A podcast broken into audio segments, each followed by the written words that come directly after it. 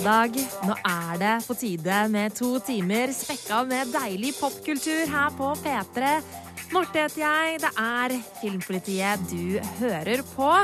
Og i dag så er det endelig kinopremiere på Kongens nei. Eh, media har jo vært spekka med nyheter om førpremierer og det ene og det andre de siste ukene nå.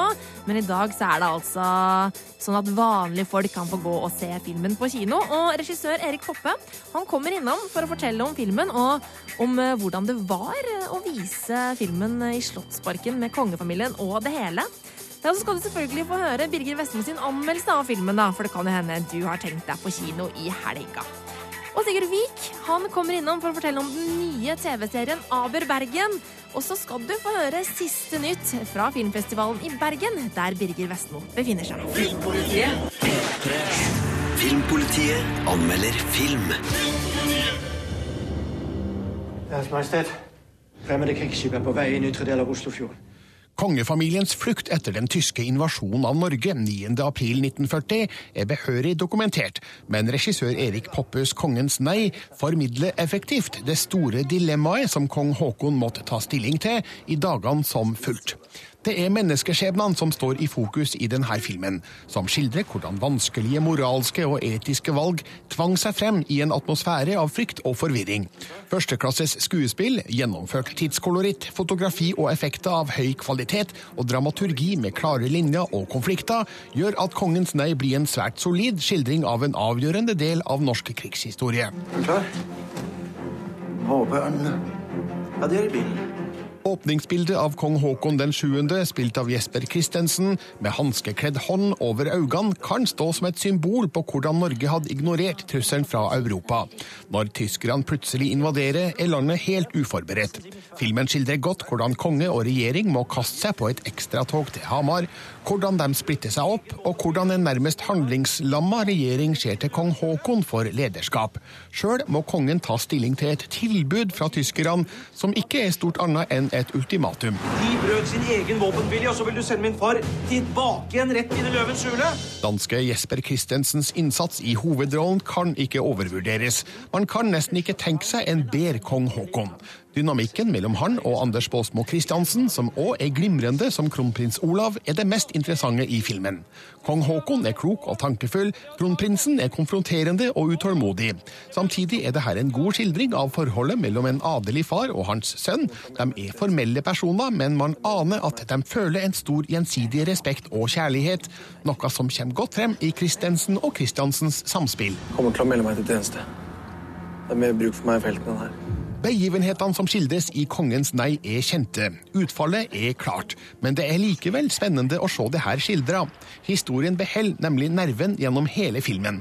Den tydeliggjør det uforberedte Norges umulige situasjon i møte med nazistenes overlegne slagkraft, hva som sto på spill, og hvilke følger kongen og regjeringas handlinger kunne få.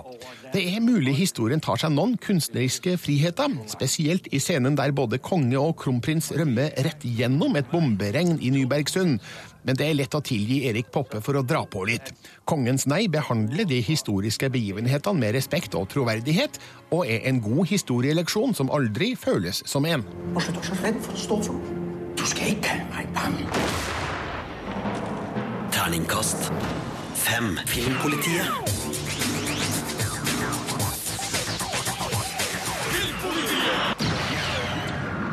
Tidligere i sendinga så hørte du Birger Vestmo sin anmeldelse av Kongens nei, som skildrer hvordan kongefamilien og regjeringa måtte flykte fra Oslo 9. april 1940. Og nå har jeg fått regissør Erik Poppe her på besøk i Filmpolitiet. Velkommen. Tusen takk. I dag er det stor premiere på Kongens nei. Gleder du deg? Eh, Ja, jeg gjør det. Heldigvis så har jeg liksom nå fått liksom begynt å vise filmen litt de siste dagene. Så nå begynner på en måte toppen å avta av nervøsitet, Ja. kanskje. For denne uka så var det jo, som de aller fleste sikkert har fått med seg, visning i Slottsparken med kongefamilien og ganske mange tusen mennesker. Ja, det var helt vilt. Hvordan var det? Ja, vet du hva? Jeg tror Jeg vet ikke om noen filmskapere har fått oppleve noe sånt av noensinne. Det var altså, altså det var, ja, var det mellom 10 000 og 12 000 mennesker som fylte Slottsparken, satt tett inntil hverandre, og et utrolig svært, vakkert lerret. med en knallyd som gjorde at når Blücher kom seilende inn, altså så hørtes det altså Så var det bombene som gjallet over hele Frogner. Jeg hørte om det var folk på, på Bislett som hørte det, det smelt, og tordna. Så det var fantastisk. Og, og den stemningen spenningen før visningen og den utrolige eh, følelsen etterpå. altså når folk var, eh, Det var en applaus som, eh, ja, som jeg har i hodet ennå. Åh, det høres som sånn gåsehud når du snakker om Og det. midt i det hele sitter jo, da, hele, sitter jo kongefamilien ikke sant? Ja. Mm. og ser historien om seg selv. Og vi har slått det bak oss der historien skjer. Nei, det var spesielt. Ja, for akkurat det lurer jeg litt på. Hvordan har det vært eh, å lage en film om en familie som lever i dag, og som eh, Altså, du forteller jo om barndommen til selveste kongen av Norge her. Ja, selveste kongen av Norge er med i filmen. Det er, eh, det er en balansegang, for du må liksom både Jeg må jo på en måte vite at det er noen mennesker som både lever og som har levd. eh, og så må jeg liksom forsøke å ikke klusse for mye med historien, og også selvfølgelig ha respekt for de at de finnes og lever.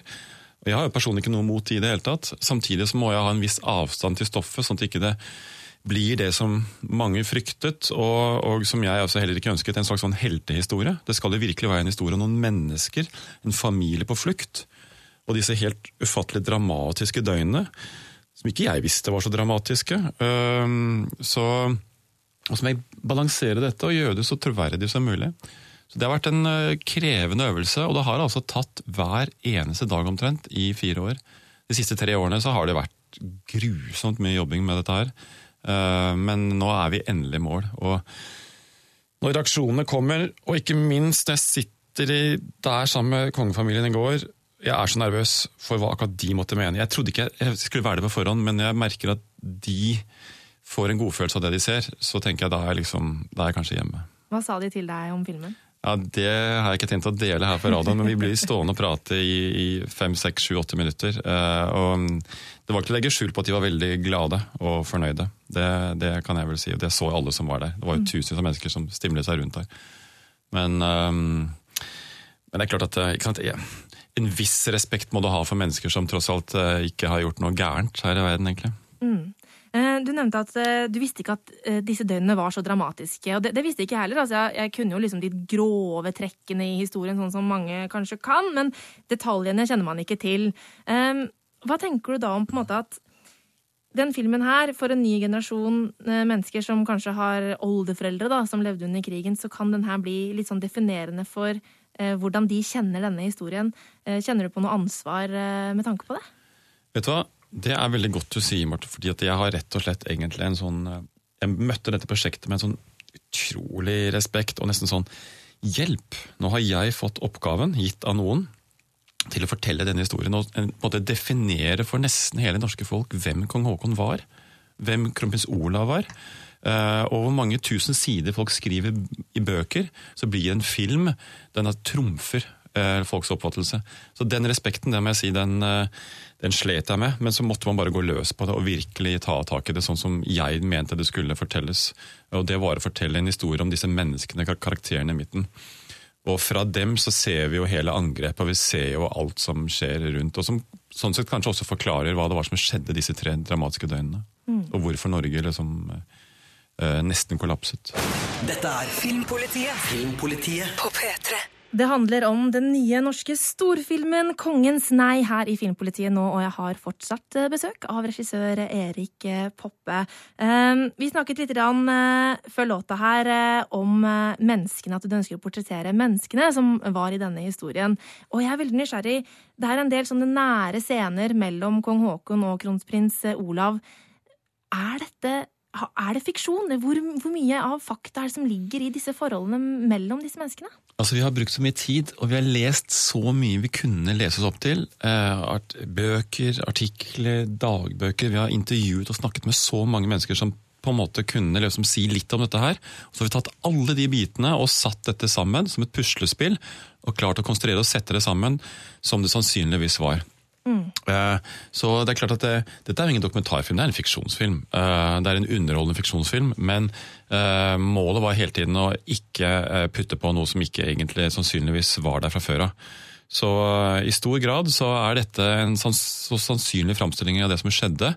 Både i de små private øyeblikkene og i det andre som, som, som tenkelig kan være. Mm. og jeg må bare si at for meg nå så er eh, eh, kong Haakon Altså, det er Jesper Christensen. Eh, jeg klarer ikke se for meg noen andre enn en han. eh, Altså, Jeg var helt avhengig av han, rett og slett. Ja, ja, for det har jeg nemlig hørt om. Var det sånn at du utsatte innspillingen av filmen for å få med Jesper Christensen? Ja, kort og godt fordi Vi begynte å jobbe sammen med dette, og så var vi i gang. Og jeg var helt overbevist om at Han var premisset mitt for å gjøre filmen, at han måtte gjøre det. Så plutselig så ringte han, og jeg vet at han var kontraktert på James Bond uh, før dette, men, men det var liksom skjøvet ut i det blå foreløpig. Og så ringte han en dag og sa at uh, vet du hva, Erik, jeg må trekke meg. Fordi uh, nå skal de gjøre Bond, og jeg må holde på med det et år. Det satte meg i en utrolig dilemma. For jeg måtte vel ut og se ok, hva gjør jeg nå, skal jeg se om jeg kan finne noen andre. Og jeg gjorde det jeg kunne for å finne noen, men innså at det gikk jo bare ikke. Så enden på det var at eh, vi måtte utsette filmen et helt år for å vente på Jesper. Og han kom bokstavelig talt fra Sam Mendes sitt opptak og, i, i London og, og til Elverum.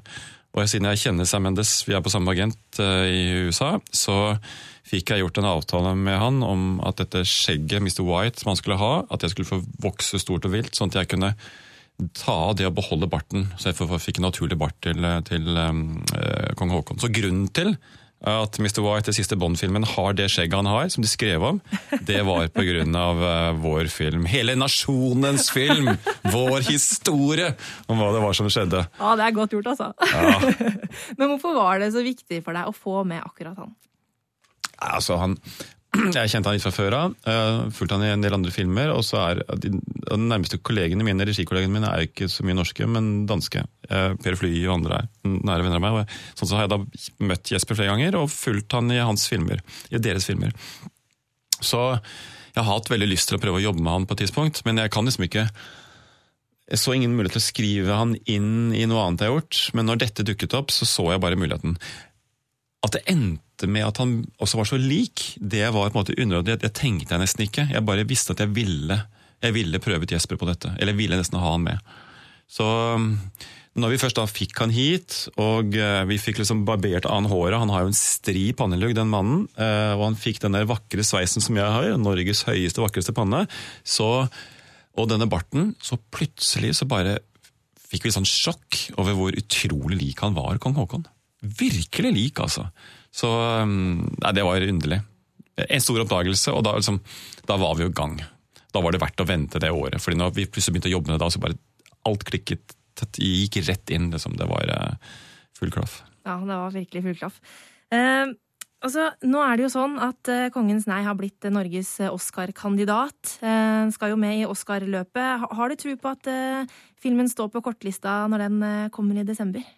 Altså Hvis jeg ikke hadde hatt tro, så skulle jeg vel kanskje egentlig eh, heller ha gitt noen andre anledningen. Så at det, troa må jeg ha. Men det er ikke bare at jeg må ha den, jeg kan liksom forsøke å putte den på, men selvfølgelig har jeg troa. Um, og Det bygger veldig mye på at nå har vi fått de første reaksjonene fra USA, som sier jo at dette her er jo virkelig en eh, sterk kandidat. Eh, og i år har Norge en veldig kandidat. Det er også nå skrevet opp allerede der borte.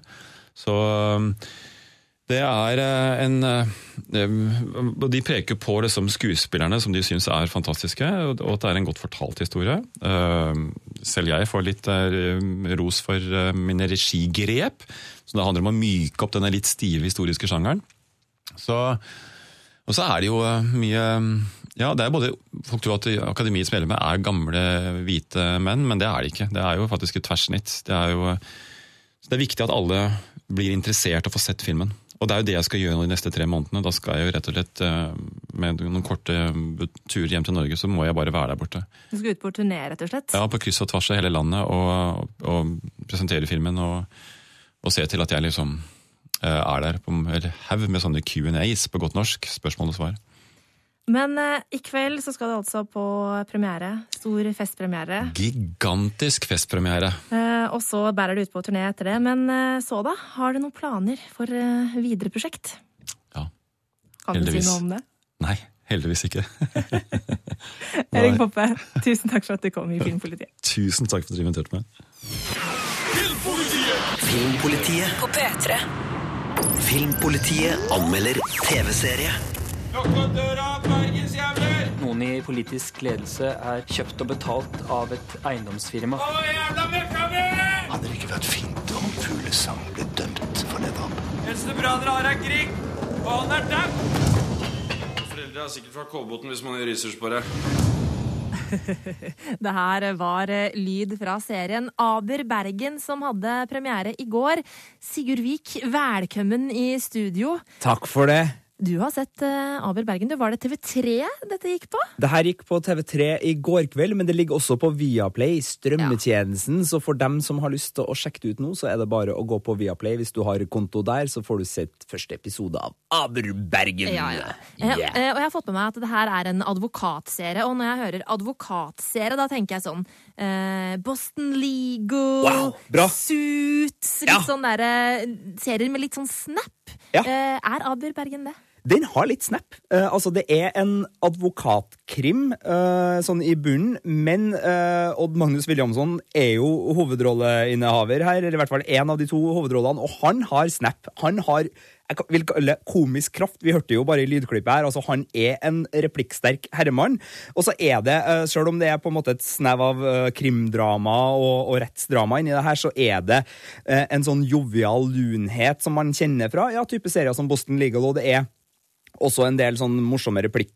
Den er munnrapp, rett og slett. Så, så, ja, ja, så den, den, funker godt. Så den er en, en kombinasjon av lun advokatserie med både på en måte rollegalleri som er, funker godt sammen, og, og, litt sånn snappy replikk. Og så har han en, en, en, krimdel som går på Bergen som by på en veldig fin måte, med finansverdenen der, som går over flere episoder. Så det er både sånn her uh, ukas mysterium, si, der en rettssak avsluttes hver episode, og så er det et overhengende mysterium da, med, med, litt sånn finanselite og noe lik som dukker opp og sånn. Så, så, en fin kombinasjon av ulike sjangere. Det betyr jo ikke at alt funker. Det er en god del her som irriterer meg. Jeg syns uh, corny replikker blir det vel mange av. Det er også en sånn serie som lar uh, VGTV fortelle oss om hvordan fyr han Erik Aber, hovedpersonen, er i en uh, angivelig nyhetsdekning og sånne ting. Det, det blir litt for, for tilgjort. Uh, og så er det noen av situasjonene i rettssalen som, til tross for at jeg ikke har vært mye i rettssal bank i bordet eh, enn så lenge, eh, så, så, så river det litt i fiksjonstroverdigheten. Det virker litt for drøyt, men det er godt mulig at det er riktig. Jeg kan jo ingenting om det her i forhold til sånn troverdig miljøskildring. Godt mulig at advokatkontorene er sånn, men, men eh, fiksjonstroverdigheten gynger litt innimellom. Okay. Men uh, hva, du syns likevel at det funker? Altså, du, du, liker serien, så vidt jeg har skjønt? Ja, for jeg blir underholdt. Jeg liker advokatserier, og det er en serie som underholder meg godt. Altså, spesielt det her uh, prosesseringa og det verbale drivet i uh, Spesielt da Erik Aber, men vi skal også nevne hans uh, ekskone slash forretningspartner Elea Bergen Wessel, spilt av Ellen Dorrit Pedersen, som også er god. De har liksom det der uh, ordet i sin makt. Altså, de drar på. Det blir sånn Ja! Ta dem! Ta rotta på dem! Ja! Ja! Og da, da, kjenner jeg, da er jeg liksom med, da. Uh, og du hørte jo i, i lydklippet her, og det er det er litt sånn herlig drøyt, litt fra hofta innimellom, og ikke så veldig politisk korrekt. Så, så, det er underholdende, og det er lovende. Jeg har bare sett de to første episodene, så jeg håper det her kan bli en god serie. Men uh, hvis du er sånn at du liker dramaseriene dine veldig nedpå og troverdig, så er kanskje ikke Aber Bergen helt uh, der, da. Terningkast fire. Dette er Filmpolitiet på P3. P3. En brite har altså laget en dokumentar om den norske artisten Sant Thomas. Eh, Richard Knights eh, han forteller eh, Altså hvorfor han hadde lyst til det. Altså Det er jo kanskje lite grann rart. Eh, filmen den hadde verdenspremiere på en, eh, i Bergen eh, i går, på Bergen internasjonale eh, filmfestival. Og den heter altså Burn the Place eh, You Hide. Eh, Birger Vestmo han har altså tatt en prat med filmskaper Richard Knights, som forteller hvordan han oppdaget Sankt Thomas. Hello, my name is Thomas Hansen, 26 years old from Norway.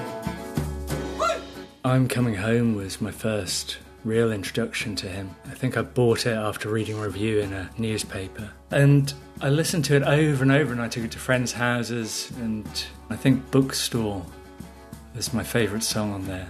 Even when I listen to it now, it still makes me want to dance around the room, kind of flailing my arms around.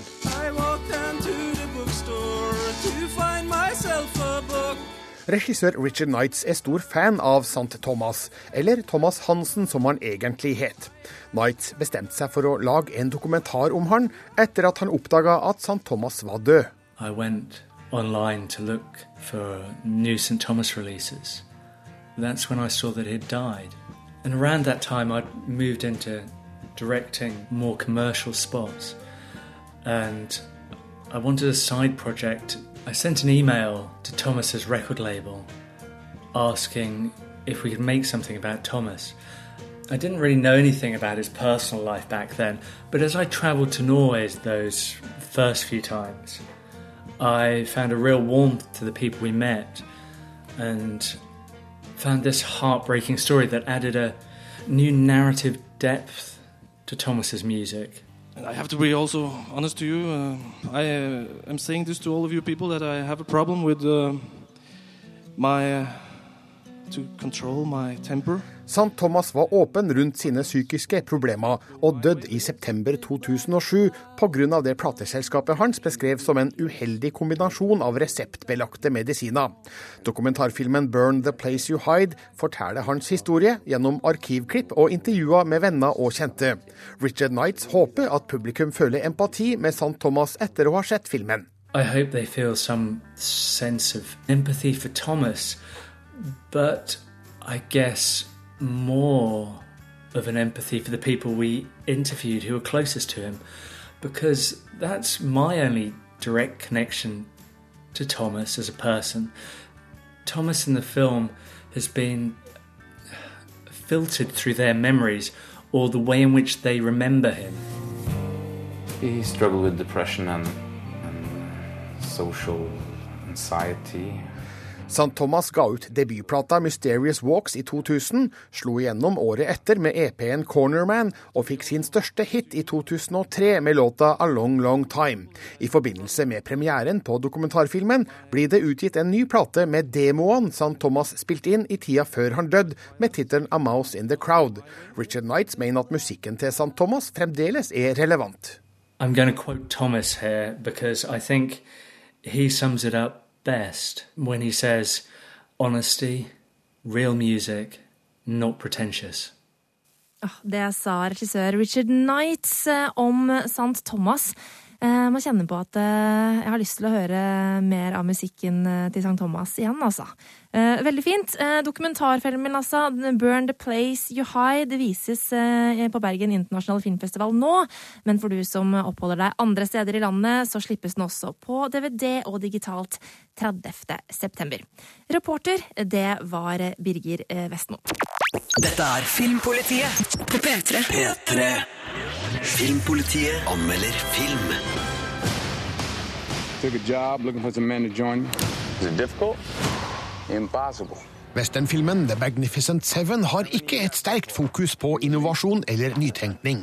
Den er basert på Akira Kurosawas De syv samuraier fra 1954, men henter både tittel og sjangerplassering fra John Sturges sin nyinnspilling fra 1960. Regissør Antoine Fuqua virker fast bestemt på å ta i bruk all klisjeer og konvensjoner fra westernfilma. Han har et brukbart grep på dem, slik at The Magnificent Seven fungerer godt som enkel og hardtslående underholdning. Et mesterverk er det ikke, men sjangerens tilhengere vil nikke gjenkjennende til hvordan helter og skurker effektivt settes opp mot hverandre i en kamp om liv og død.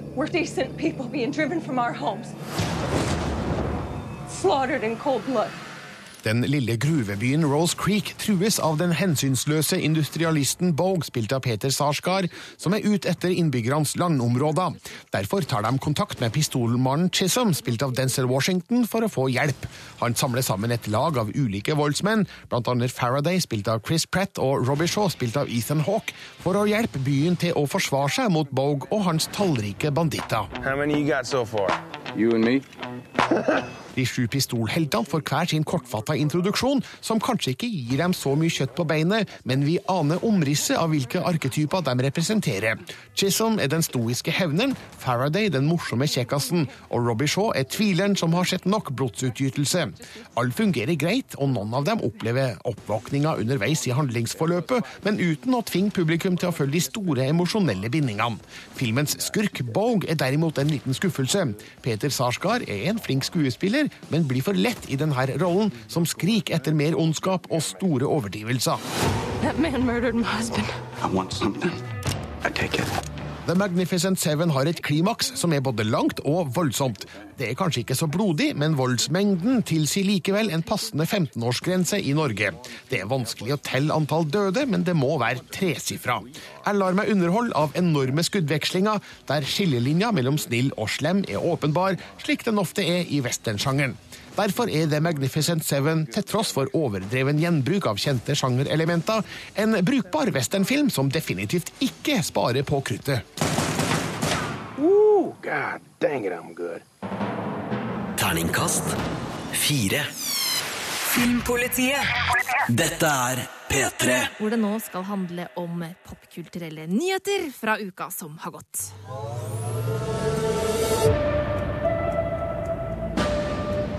We boarded the Avalon with a destination.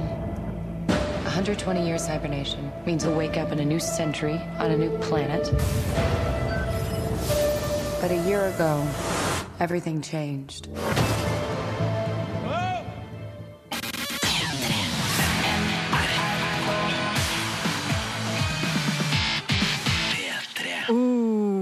Sigurd Vik, der hørte vi lyd fra en film som jeg gleder meg så mye til. Ja. Første trailer ut fra Morten Tyldums eh, kommende sci-fi-eventyr med Jennifer Lawrence og Chris Pratt. Passengers! To av mine favorittskuespillere. Ja, de er kule. Og eh, nå har traileren kommet denne uka. Ja. Det Filmen ser kommer. eh, ganske så kult ut, da. Ser veldig kult ut. Filmen kommer første juledag, så det her kan bli for oss som er litt sci-fi-glad, eh, og som eh, liker filmene til Morten Tyldum, en skikkelig real julegave. julegave. Eh, traileren kommer og avslører jo mer enn nok. Da. Så hvis du er sånn at du ikke liker spoilere i hele tatt, så er ikke det her en trailer du nødvendigvis skal se. Nei, veldig godt poeng, Ja, for det fordi- reagerte jeg også litt Ja, på. den tar i litt mye, og vi har fått litt kommentarer på Twitter etter at vi, vi delte den der òg. Sånn Men! For det her er ikke en trailer som bare gir stemning, det er en trailer som avslører en del av det som skjer. Vi skal ikke gå inn så mye på det som skjer, for vi vil heller ikke være så veldig spoilete, men det er romferge, de er passasjerer. Øh, øh, På grunn av tittelen og sånn, så skjønner man det. Og så er det to forskjellige verdener som spiller ut. Øh, Det jeg liker, er at den ene verdenen ser ut til å være veldig lun og koselig, og samspillet mellom Chris Pratt og Jennifer Lawrence ser veldig lovende ut. Det virker som de har en, en god tone, ikke det heter, Martin? En god tone. En god tone. Mm. Og så er det jo en action-sci-fi-bit også her, og det smeller nå i hvert fall. Ja, eh, og vi kan jo bare si sånn, plottet i filmen, det må være greit. Ok? Altså, eh, de er på vei i verdensrommet til et sted. Eh, de skal ligge, er det 90 år eller 100 år eller noe sånt, noe, i sånn cryo-sleep, sånn derre dvalepod.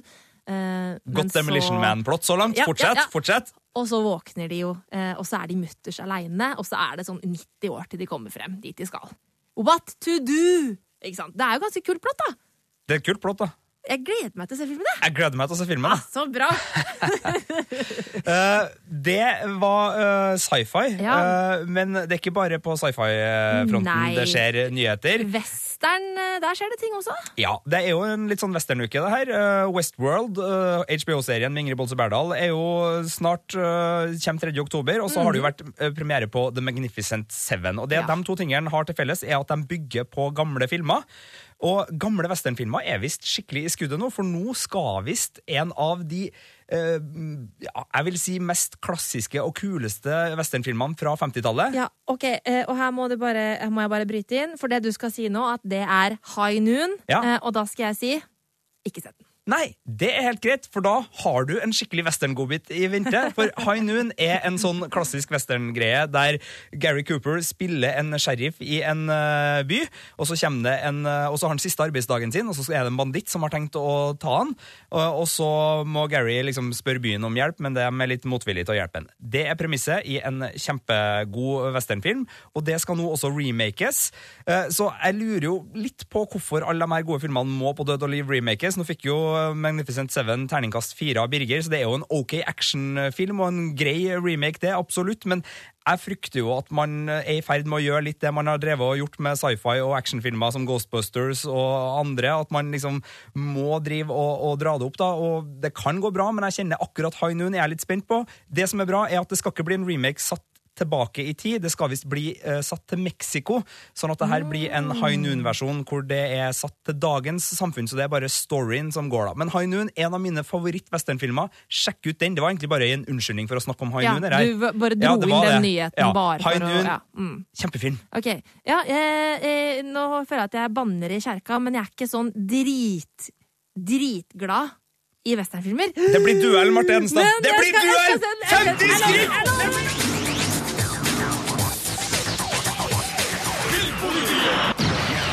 I kveld så er det verdenspremiere på dokumentarfilmen Northern Disco Lights på Bergen internasjonale filmfestival.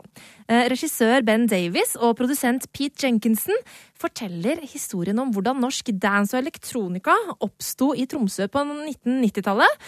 Hvordan bergensbølgen tok det videre på 2000-tallet, og hvordan Oslo-baserte artister nå presenterer innflytelsesrik dansemusikk. Eh, Birger Vestmo han har møtt Ben Davies og Pete Jenkinson i Bergen. Growing up here was perfect because we could just sit up here and monitor what the humans were up to in other parts of the world. We were trying to escape the dull reality of living in Norway. Well, I first heard about Norwegian dance music when I started buying records in Eastern Bloc in Manchester many years ago. And uh, Bjorn Torska and Eric started coming around, coming coming down, and these amazing 10 inches from Tele Records. And it was a real full on hype about it. We were Because for us, Norway is such a long way away. And we were used to getting records from New York and Chicago and Detroit. And then it was like, wow, there's, there's, there's these kind of uh, wacky sounding records coming from Norway. So that's kind of when I when yeah when I first kind of became aware of them, I guess. We um, we set up our record label in '94, Paper Recordings, um, and in '97 we signed our first Norwegian release by the band called Those Norwegians, um, and it was an album called uh, Kaminsky Park, and it um, included artists like Runa Lindbach and uh, Torbjörn Brundtland, who went on to um, be part of Rooksop. Um, and from that point on, we, we continued with our relationship with Scandinavian artists, and mainly Nor- Norwegian artists. So that's where the kind of the it was a natural progression for us. Back in the day, we used to call it skrangle disco. Space disco. Rambling house. Heroin disco. One-legged disco. To make a documentary about the Norwegian music scene, or the dance music scene rather, where did that idea spring from? Uh, it's a good question. I, I, I don't actually know. We were we had a meeting with Music Norway about uh, funding for Provin Audio, which is one of our artists, and it was a little bit. We had a list of ideas, and they kind of we just mentioned, doc, you know, making a film on Norwegian dance music. And they went, "That is a brilliant idea. Go and do it." So we were like, "Oh right, okay. Uh, maybe we should do it then." But the idea, I, I don't know. It just, I don't know, came out of nowhere. But Pete, when you started this project, were you aware of the scope it was going to have?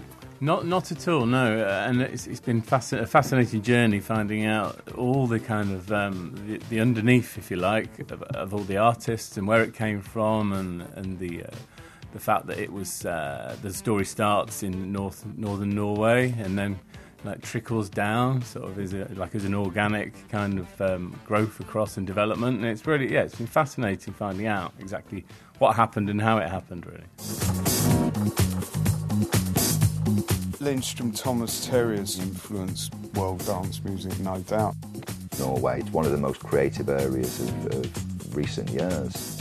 Du hørte regissør Ben Davies og produsent Pete Jenkinson fortelle om dokumentarfilmen Northern Disco Lights, som altså har verdenspremiere på Bergen internasjonale filmfestival i kveld. Og senere så skal de vise filmen i både Stavanger og Tromsø, og kanskje noen internasjonale filmfestivaler. For de håper å få vist den på TV. Sats på at de får til det. Reporter i Bergen, det var Birger Vestmo. Filmpolitiet. Does that sound you? På P3. Vi vet hvem som la ut bomben, og likevel så kan vi ikke gjøre noe. Vi venter på at de skal vende våpen mot oss og ta ladegrep. Først da kan vi skyte. I det bitte lille sekundet der utkjemper vi vår krig, og det er helt spesielt for Norge. Vi er ikke her for å drepe. Nei, vi er her for å dø. Vi kan ikke unngå å snakke om det. På søndag er det premiere på den nye serien Nobel. Sigurd Vik, Ja. du har sett hele skiten, du. Jeg har sett åtte episoder som utgjør hele første sesong av Nobel. Yes, Jeg har Ja. sett de to første episodene. Ja. Eh, jeg syns det her er spennende saker, altså. Jeg liker det også. Det har det der drivet som trengs for at du virkelig eh, har lyst til å være med videre. Det er en, Jeg så åtte episoder mer eller mindre i en binge. ja, liksom? Det var noen timer pause imellom der, men det, men det gikk radig, for det er en sånn uh, drama, spenningsdramaserie som, som tar deg med videre. Det er delvis i det som heter nordisk noir-paletten nå. Altså Her er det politikere og forretningsfolk og store vindusflater i et litt sånn gråmørkt eh, Norge, som man kan kjenne igjen fra serier som Mammon og for så vidt også kanskje Broen til en del. Så altså det er den fargepaletten. Men så er det også friskt, fordi vi er en del i Afghanistan. Mm. Det er norske soldater vi, vi følger der, både på oppdrag og i eh, på en måte eh, hverdagslivet. Og den paletten liker jeg veldig godt, for det er noe annet, det er noe nytt, og det krydrer Nobel sånn visuelt sett på en veldig fin måte. Der er det varme bilder av både hud, og, og det blir jo sandrustent selvfølgelig på grunn av miljøet, så jeg syns serien er, er flink til å, å fange opp de her Mm. bitene. Så kan man jo si at en del av skuespillerne, prestasjonene, er veldig, veldig gode, og så er det kanskje noen som forbigås litt mer hastig, men, men totalt sett så var det her veldig spennende å se, altså. Ja, jeg er i hvert fall ganske fornøyd med de to episodene jeg har sett. Eh, Aksel Hennie spiller hovedrollen, og for de som ikke fikk det med seg, så var jo han på besøk hos P3 Morgen i dag eh, tidlig.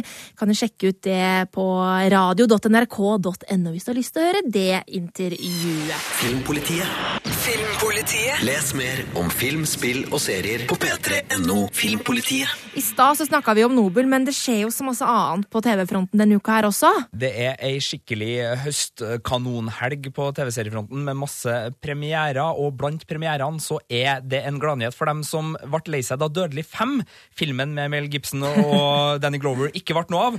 De stoppa jo på fire. Filmserien Ja. som starta i 87 med Dødelig våpen 1 og slutta i 98 tror jeg med Dødelig våpen 4.